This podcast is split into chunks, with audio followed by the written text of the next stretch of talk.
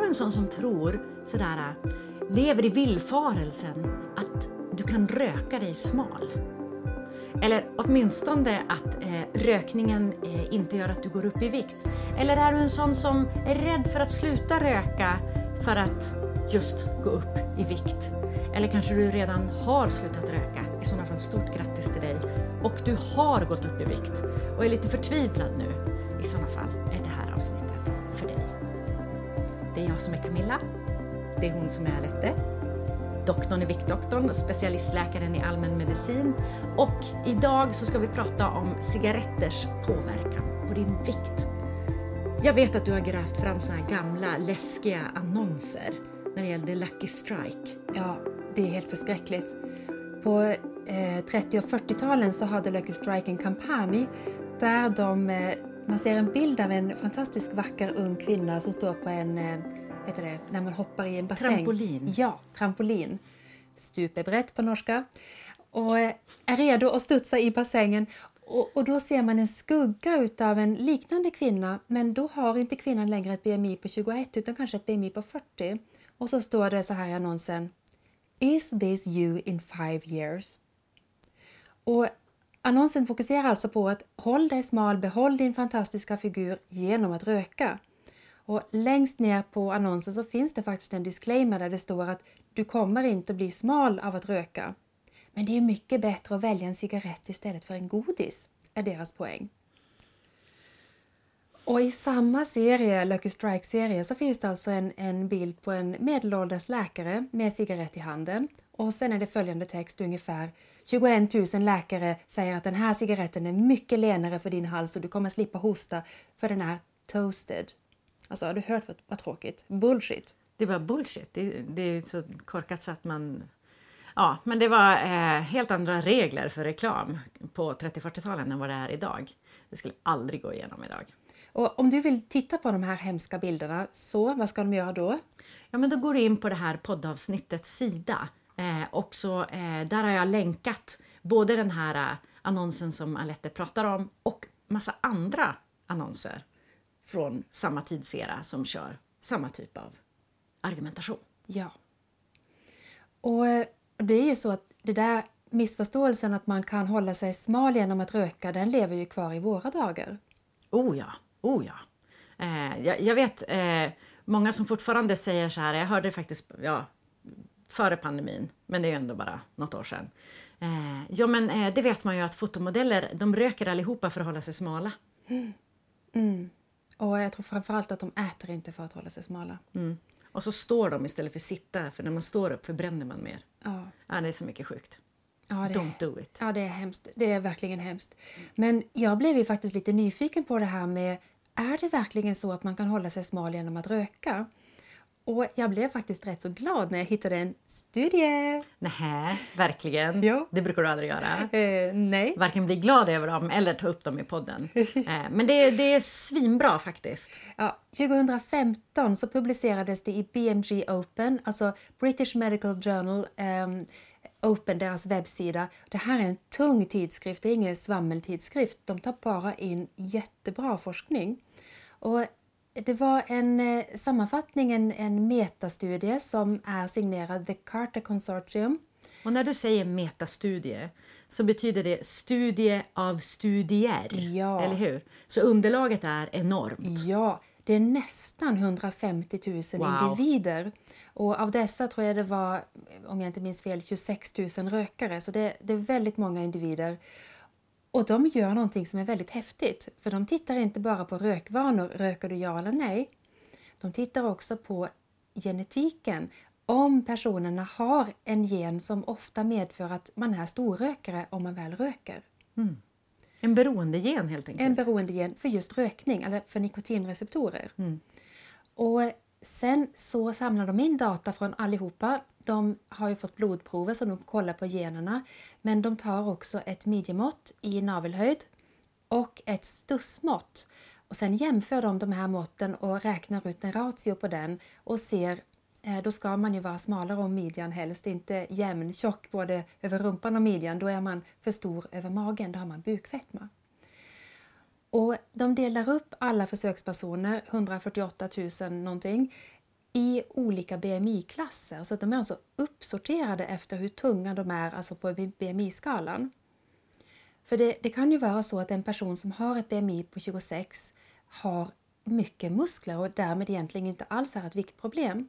Medan en person med BMI 26 kanske har en rejäl bukfetma för allt överskotts, eh, all överskottsvikt sitter på magen.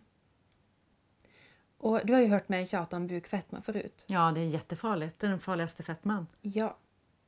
Och eh, den är farlig för att den är direkt kopplad till hjärt-kärlsjukdom, till åderförkalkning och till diabetesrisken. Och när forskarna hade manglat alla resultat och eh, funderat lite på kamrarna och kanske suttit på någon lunch och diskuterat som forskare gör, eh, då kom de fram till att jajamän, rökning är kopplad till bukfetma. Och ju mer man röker desto högre är risken för bukfetma. Så det här omkullkastar ju hela tanken om ett, att man kan röka sig smal mm. och två, att man automatiskt går upp i vikt när man slutar röka. Du går alltså upp i vikt av att röka. Och man kopplar också eh, en lägre muskelmassa hos personer som röker. Alltså de har ett smalare stuss, stussmått än icke-rökare. Och då kanske du tänker att ja, vad har det med saken att göra? Men våra största muskelgrupper de sitter faktiskt på rumpan. Och har man inte tillräckligt med muskler där, ja men då får man ett smalare stussmått. Och det innebär ju också att ratio mellan höftmåttet och midjemåttet blir ju helt fel. Mm. Um, och jag måste säga att jag blev ganska glad när jag hittade det där.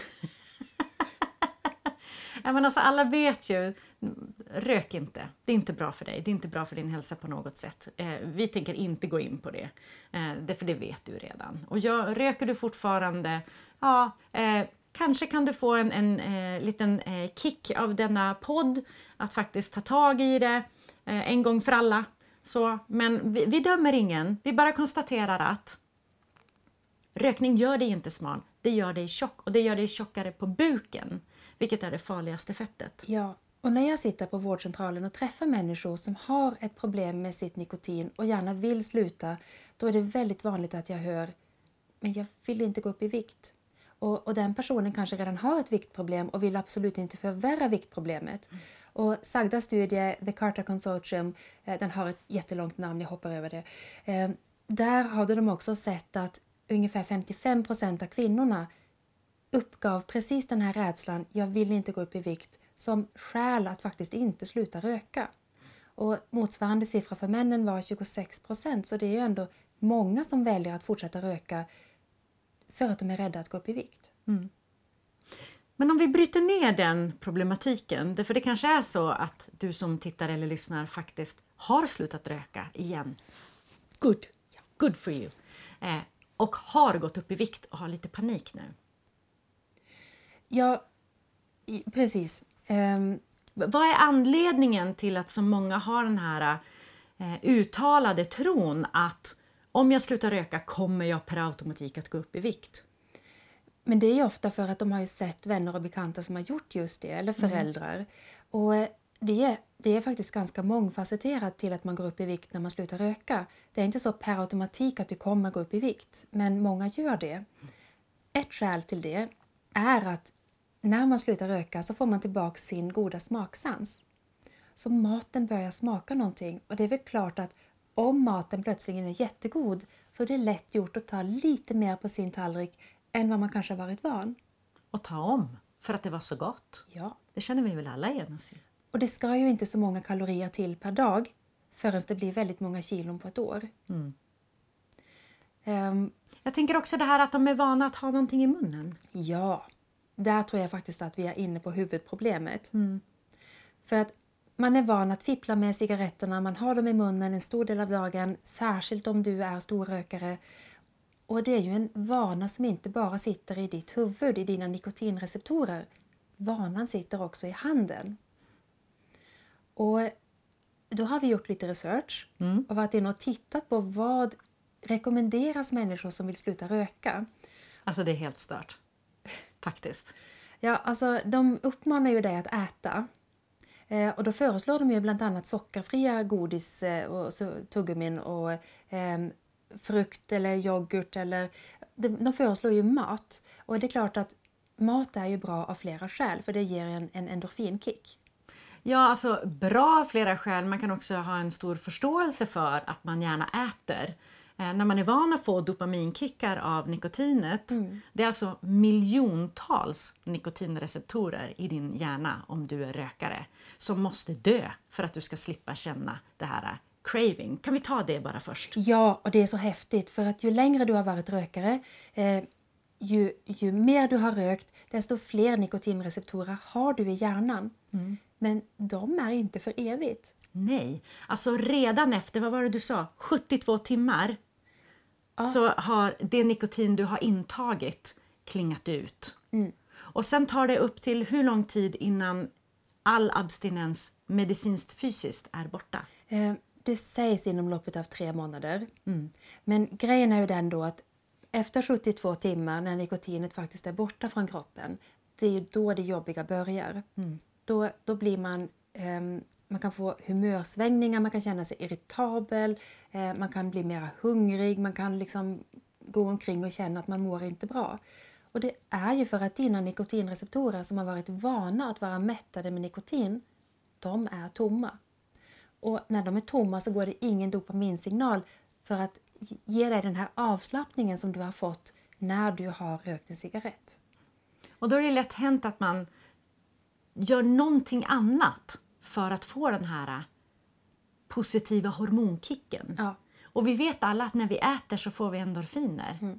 Men eh, det är också om du dricker alkohol får du endorfiner. Alltså det kan ju bli byta, ganska lätt hänt byta ett beroende mot ett annat om man inte passar sig. Ja, man måste verkligen ha en plan. Och det är jättebra om den planen också innebär att man har en, en eh, buddy, en, eh, kanske en partner eller en god vän eller en mamma eller pappa som man kan ringa och böla till eller gräla med eller bara få utlopp för alla de här känslorna. För de går ju över. Och samtidigt när du väl är i den där nikotinsugstormen, ja men gör någonting annat.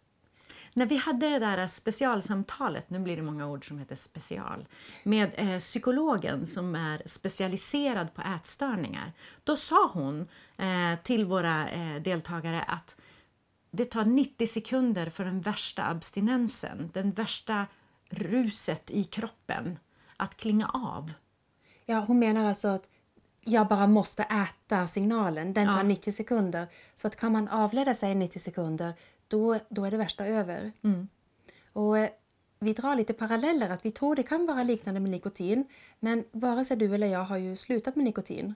Eller någonsin börjat Nej, faktiskt. så att vi, Så vi vet inte. vi vet inte. Ehm, men poängen är den att när det blir jobbigt, istället för att leta upp den där absolut sista cigaretten, ja men ta på dig skorna, gå ut i luften, eh, spring ut i trädgården, eh, ring en god vän och liksom gör någonting annat.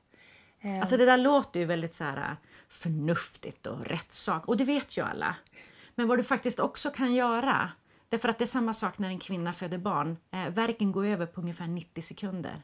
Det är att nu känner jag det här suget, det är enormt starkt, men jag vet att det bara tar 90 sekunder innan det värsta är borta. Då kan man räkna ner. Bara liksom håll i händerna, börja räkna ner 90, 89, 88 så vidare. Då är det värsta över. Men det, det som du är inne på, att aktivera sig, det var ju också någonting som vår psykolog sa. Aktivera dig, gör någonting. Ja. Och då kan det kanske vara så att du är en sån som alltid har längtat efter att få gå en kurs i fotografering.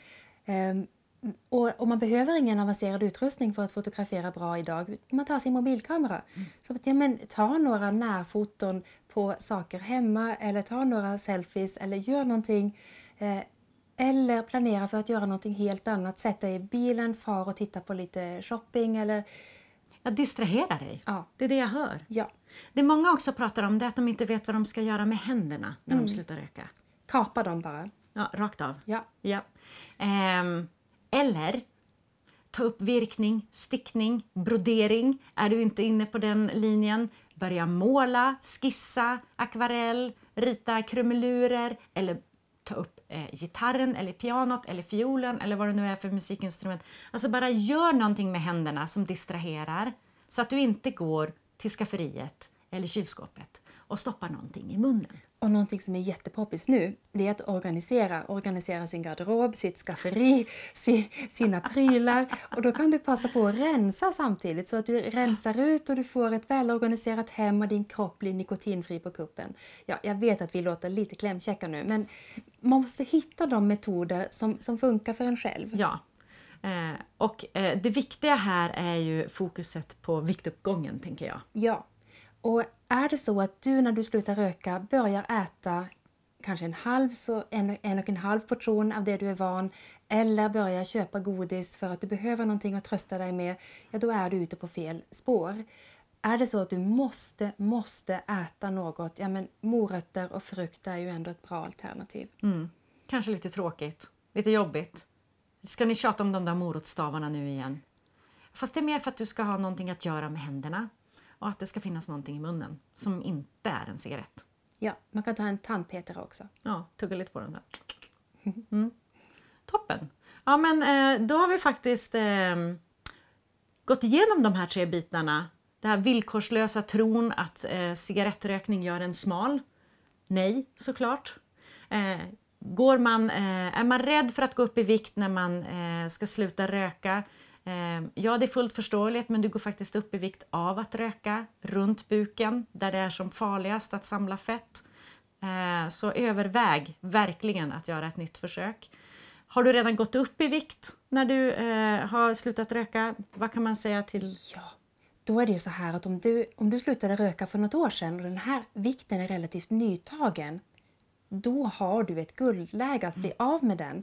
För att det kan nämligen vara så att din vikttermostat som vi har tjatat om tidigare, den har inte låst fast vid den här nya vikten för den är ändå så pass ny. Och om du då sätter igång och jobbar för att bli av med den, då har du faktiskt en möjlighet att komma tillbaka till din gamla eh, vikt där din vikttermostat har legat i många år utan att fastna i det här jojobantandet som är så himla förrädiskt. Mm. Men då handlar det om, som alltid, att äta vanlig, nyttig, bra mat. Mm. Unna sig ibland. Lite guldkanter måste man ha, inga dieter, ingen bantning, för det är bara kontraproduktivt. Eh, gärna börja motionera lite. Alltså vi pratar om gå en promenad några gånger i veckan så att du får upp flåset men det allra bästa sättet för dig att minska i vikt om du har en nyss tillkommen övervikt, det är att minska lite grann på portionerna. För att du kan inte träna dig smal. Eh, du kan inte heller svälta dig smal för att det svälten kommer att trigga dina greliner som vi också har pratat om förut. Ja, the gremlins. Till att äta mer och ofta äta precis innan du går och lägger dig och så sover du dåligt och sen blir det en ond cirkel av allting. Mm. Så och är det så att du har gått upp i vikt för ett antal år sedan i samband med ett rökstopp, då har din vikttermostat redan låst fast och då behöver du annan hjälp. Så vad säger vi då? Ja, då säger vi gå in och lyssna på podden. Vi har ett avsnitt om Best Weight-konceptet där du äter hälsosamt, eh, njuter av livet eh, och går sakta ner i vikt. Det tar mellan 5 och 10 år. Eller hur? Ja. Snittet, vi brukar snitta 7 år, säger vi. Eller så kan du gå in på viktdoktorn.se och kolla in vårt program. Eh, vi kommer med stor sannolikhet att starta igen före sommaren. Annars så ses vi i höst igen där. Därför det finns bara tre sätt att gå ner i vikt när din vikttermostat har låst sig. Och det ena är best weight, det andra är operation, gastric bypass eller gastric sleeve. Och det tredje är beteendeförändringar med stöd av läkemedel. Och det är det vi förespråkar. Ja, och det sparar tid. Massor av tid. Massor av tid. Eh, för henne tog det nio månader. Jämför det mot 5 till 10 år. Men 32 kilo på nio månader. 32 kilo, I know. But this is not sales. Vi sitter inte här och säljer nu. Utan, eh, jättebra eh, om du som eh, röker idag börjar fundera på att sluta.